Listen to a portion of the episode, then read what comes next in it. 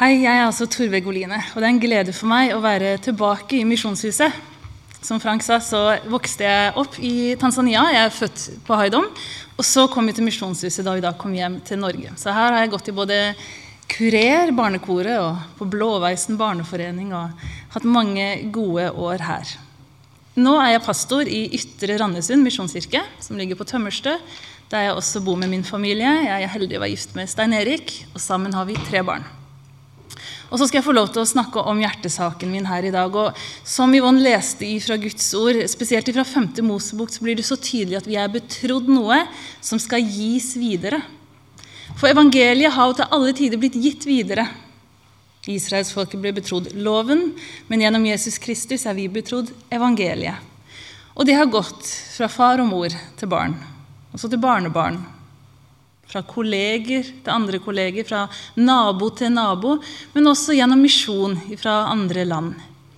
Og så er vi da en del av denne lange rekka som gjør at ordet om Jesus og kraften i evangeliet fortsatt står sterkt. Eh, og hvordan skal vi da gi det videre? Hva er vår rolle i den lange, lange rekka? Og hvordan ser det ut i menighetsfamilien i dag? Hvordan ser det ut i misjonshuset i dag? Min erfaring er at søndag klokka 11 ikke bare er et sånn enkelt treffpunkt lenger.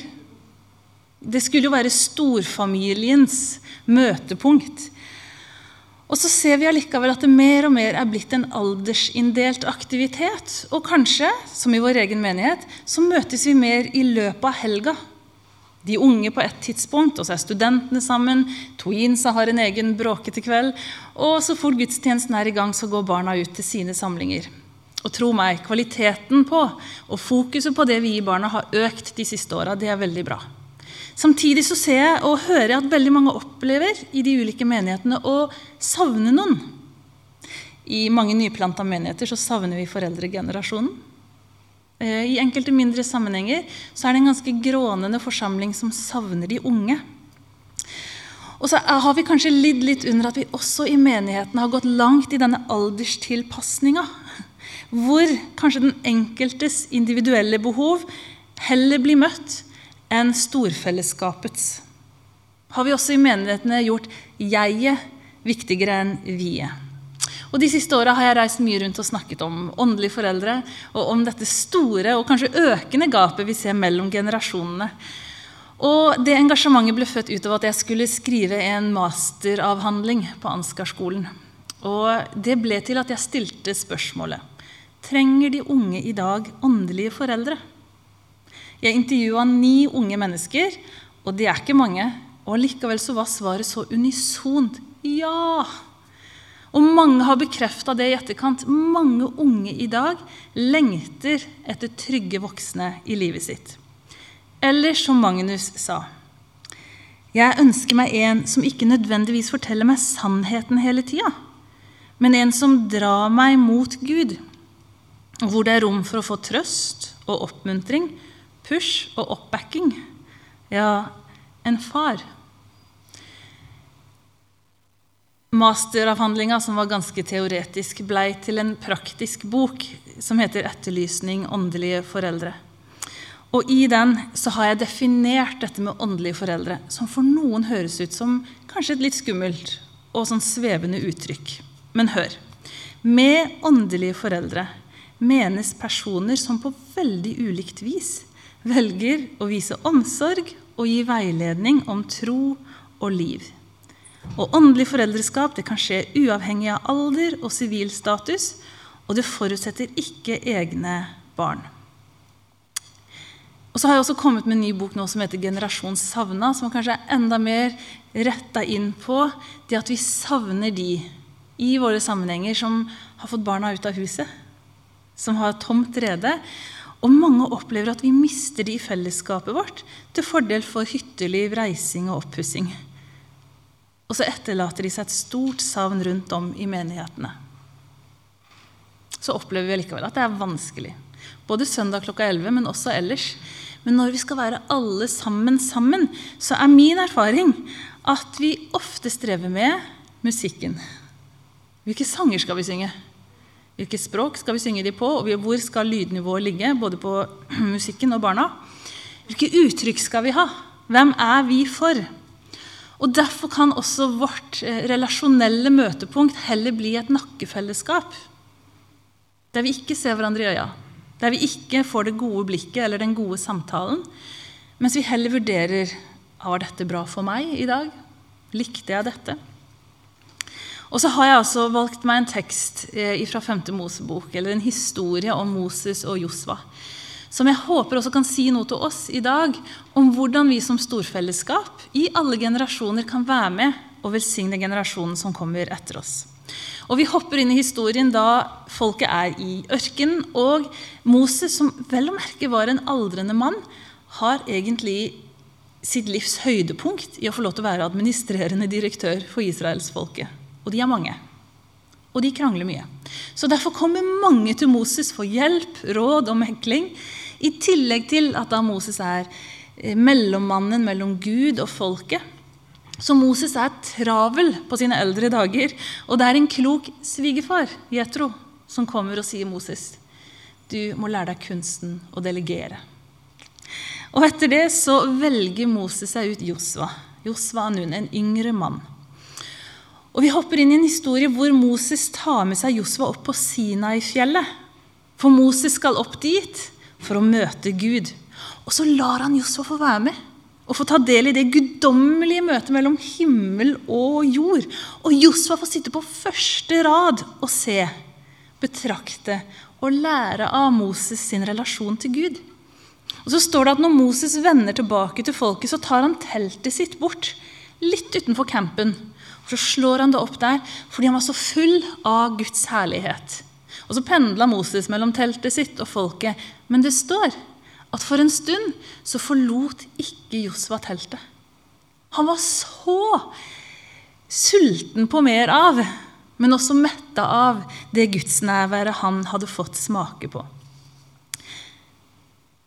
Men Josva får lov til å være tett på Moses de dagene som ikke er så glansfulle. Som når Moses kommer ned fra Sinai-fjellet med de ti bud, med Guds egen håndskrift i armene, og finner da folket, utålmodige og lei, dansende, halvnakne og gale rundt en gullkalv. Og i sin frustrasjon så knuser han det han var betrodd av Gud. Og Josva er der. Og han får høre at Herren refser Moses. Så han får ikke bare glanssida av sin eh, kanskje åndelige far, hvis vi kan kalle han det. Nei, Josva får oppleve Moses som ekte vare. For det er ikke fasade vi unge er ute etter. Mange strever med at det er nok fasade, kanskje i alle aldre. Men de som er enda yngre, de strever ofte med å filtrere sitt eget liv sånn at det ser best mulig ut. Og mange styres av et ganske umenneskelig press til å se bra ut på alle områder i livet. For alt skal dokumenteres, likes, vises fram og bekreftes. De unge i dag trenger ikke et flott filter. De trenger ekthet og sannhet. Ikke søndagsskolesida, den der solskinnssida hvor vi har tatt på smilet, men, men tvilen og troskampene. Kanskje de trenger å høre om de drømmene som blei knust, det det ikke blei noe av. De vil ikke imponeres, men de vil bli møtt. Så skulle være noe for neste generasjon, uansett hvor gammel du er, handler ikke om å klistre på en fasade og prestere. For det kommer også en tid i Josva og Moses sin relasjon etter at Josva har gått tett på Moses i flere år, at Josva skal ut på oppdrag. Han hang altså ikke i skjørtene til Moses hele livet for å bli avhengig av han, men han var der for å bli utrusta. Og Josva er en av de tolv speiderne som får lov til å gå inn i det lovede land for å sjekke ut forholda. Og så kommer de da tilbake, de tolv, med to helt forskjellige versjoner av løfteslandet. De forteller om enorme drueklaser, grønne åkre så langt du kunne se. Det var frodig, det var fruktbart, det var vakkert, sola skinte alltid. Og så kommer allikevel tida di tilbake og sier, 'Men du skulle sett de folka.' De var så muskuløse, de var så svære. Vi har ikke sjans, vi blei som små maur ved siden av de. Vi avlyser denne planen, Moses. Finn oss et nytt land. Men Josva og Caleb kommer tilbake. Og så har de sett det samme. Det fruktbare, det vakre og de store kjempene. Men de må tydeligvis gått inn i det løfteslandet med et annet bilde av Gud. Som større, som sterkere, og hvor ingenting er umulig for ham. Og Det er da du ser hvor mye det betyr hva de unge har fått av tro, av sannhet, og hvilke bilder av Gud de går inn i sin verden med. For noen av de skal ut og utforske studentlivet eller familielivet. Og så syns de ikke at de får Gud til å passe inn i sin hverdag. De har få forbilder eller eksempler på hvordan troen kan vokse og modnes inn i et såkalt A4-liv. Mange unge syns det er vanskelig å tro i møte med akademia fordi de ikke har fått ut, blitt utrusta og fått svara og trosforsvaret planta inn i dem i møte med de her vanskelige spørsmåla. Mange leiter etter rådgivere i det som blir stadig økende gråsoner. Så mange unge i dag skal ut i sin verden, og så støter de på kjemper som truer troen deres. Og deres kjemper kan være travelheten, materialismen, relasjonene eller karriere. Og så kan de oppleve at Gud er lite relevant. Men Josva kjente sin Gud. Ingen kjempe i verden kunne stå seg imot hans Gud. Og Josva så med helt andre øyne på det lovede land. Han så med troens øye. Og det hadde han lært et sted. Og han hadde nok egne opplevelser og erfaringer med Gud til at troen var blitt hans egen, grunnfesta. Og så hadde han sett det modellert i Moses, som raust hadde invitert han inn i både liv og tjeneste. Josua var blitt forberedt før han dro ut på oppdrag. og Så kom han hjem med en helt annen opplevelse enn de andre speiderne. Og så var det jo bare Josua og Caleb som fikk lov til å entre løfteslandet. De andre døde i ørkenen. For det kommer en tid da den åndelige faren Moses skal la Josua gå lenger enn det han sjøl får gå. Josua får lov til å innta løfteslandet, og Moses ser enden på sin reise. Og det krever sin mann å velsigne Josfa inn i det han sjøl har drømt om og jobba hardt for å nå. Stafettpinnen skulle overleveres. Ja, for Gud sa det. Gi oppdraget til Jos. Gi oppdraget til Josva. Gjør han modig og sterk. Og Moses velsigner Josva. Han anerkjenner han foran hele folket. Han setter mot i han og så gir han ham tro på seg sjøl og på Gud. Det står i 5. Mosebok 31. Så kalte Moses Josva til seg og sa til ham, mens alle israelittene hørte på, Vær modig og sterk, for du skal føre folket inn i det landet som Herren med ed lovet å gi deres fedre, og skifte det mellom dem. Herren vil selv gå foran deg. Han vil være med deg han slipper deg ikke og svikter deg ikke. Vær ikke redd, og mist ikke motet. Hør. Foreldres velsignelse kan være den store forskjellen som gir mot og styrke og muligheten til å innta nytt land. Ikke hold tilbake velsignelsen. Anerkjenn generasjonen som kommer etter deg. Ikke på avstand. Ikke bare når du snakker om dem, men når du snakker til dem. Moses valgte å anerkjenne og velsigne Josva foran hele folket. Det ga en helt annen tyngde til det oppdraget som Josva var blitt betrodd. Velg deg noen som du vil be for og følge opp, heie på og velsigne. Enten de som er yngre enn deg, er 50, 30 eller 16 år.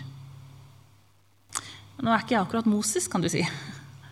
Nei, Men Moses var heller ikke akkurat noe superhelt da han begynte sin karriere. Det er jo i Guds hender det utrolige skjer. Det er jo i relasjonen det mysteriet oppstår. Og det er også i relasjonen at velsignelsen har nedslagsfelt.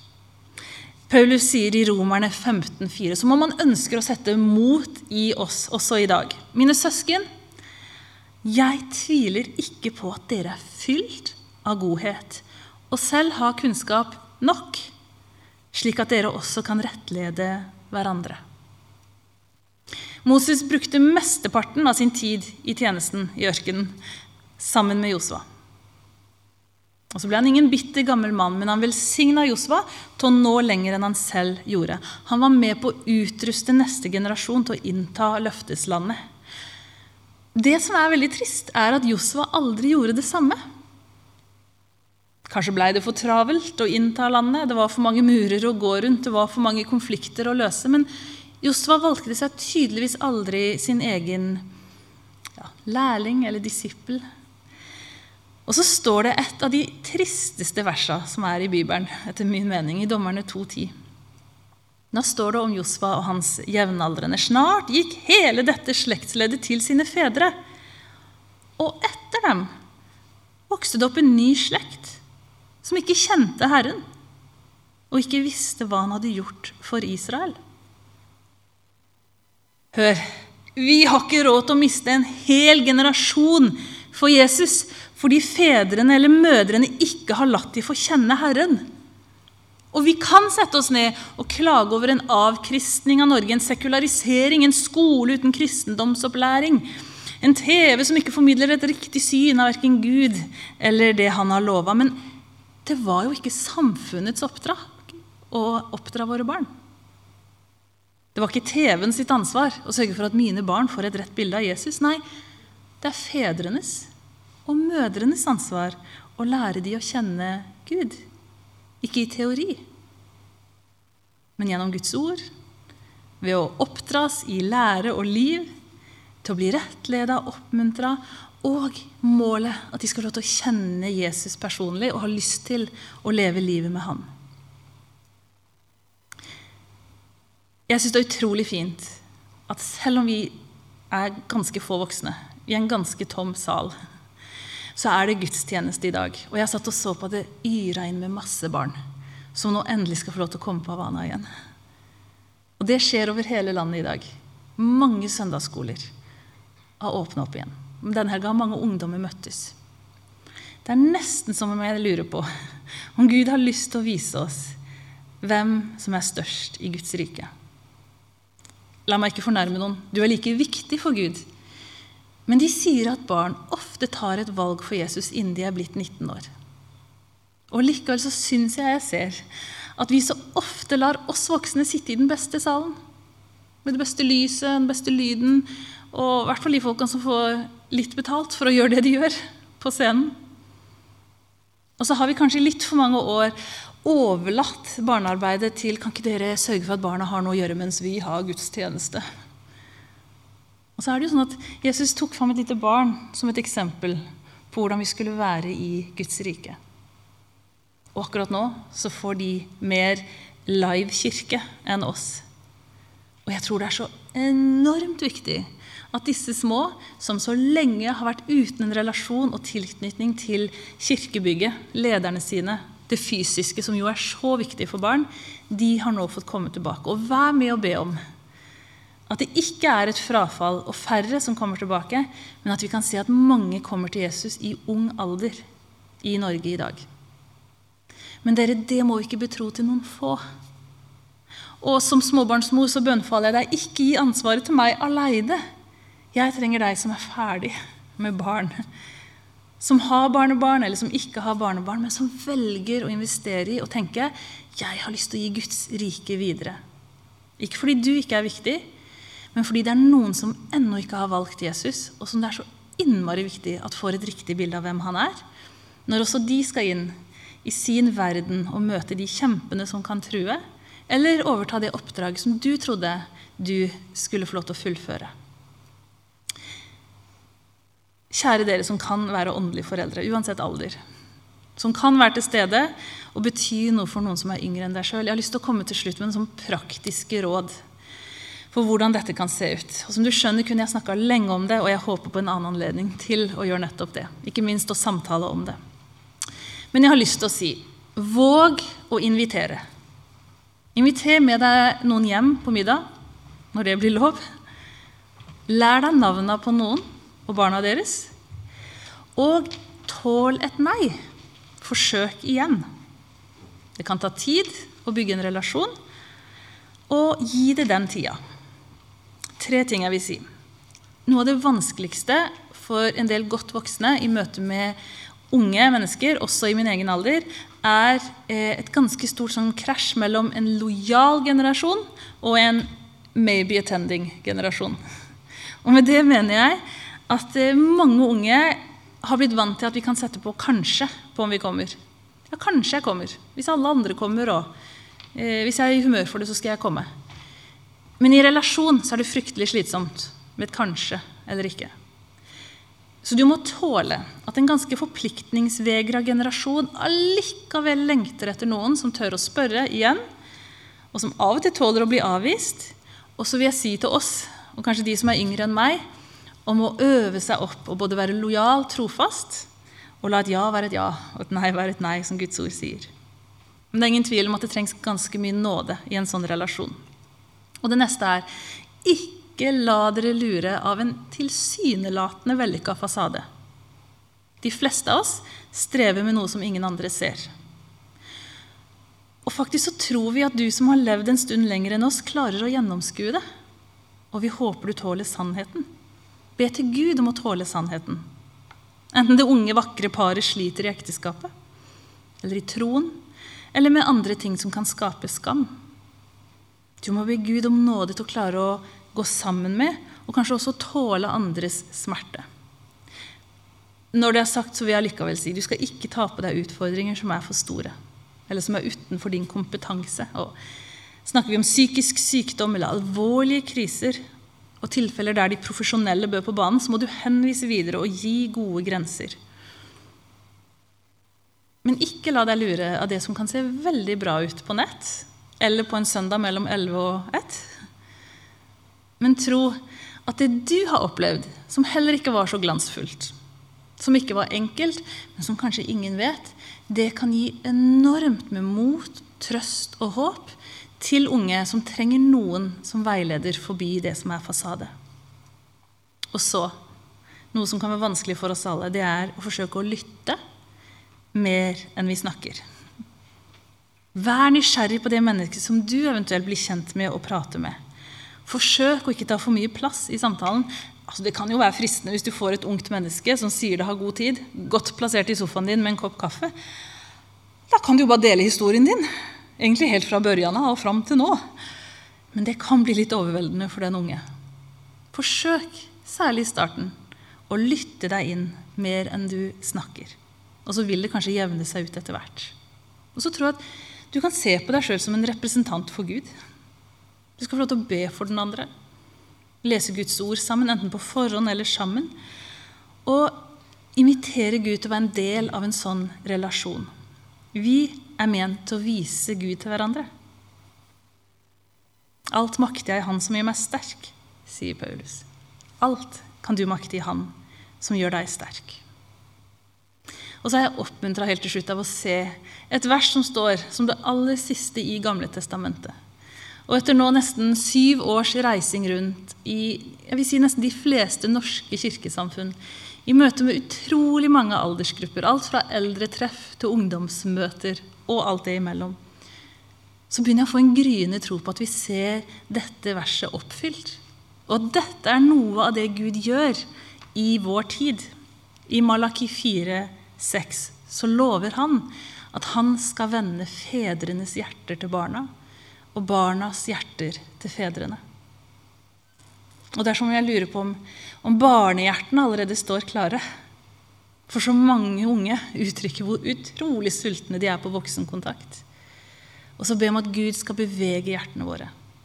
Med kjærlighet, med omsorg og med nåde, så vi også kan møte barnas hjerter. Herre, det ber jeg om, at vi skal få se deg. Du som ikke har noen begrensninger, du som ikke lar deg stoppe av noen tiltak. Du som er overalt og i alt. Og du som har gitt oss i overflod til all god gjerning.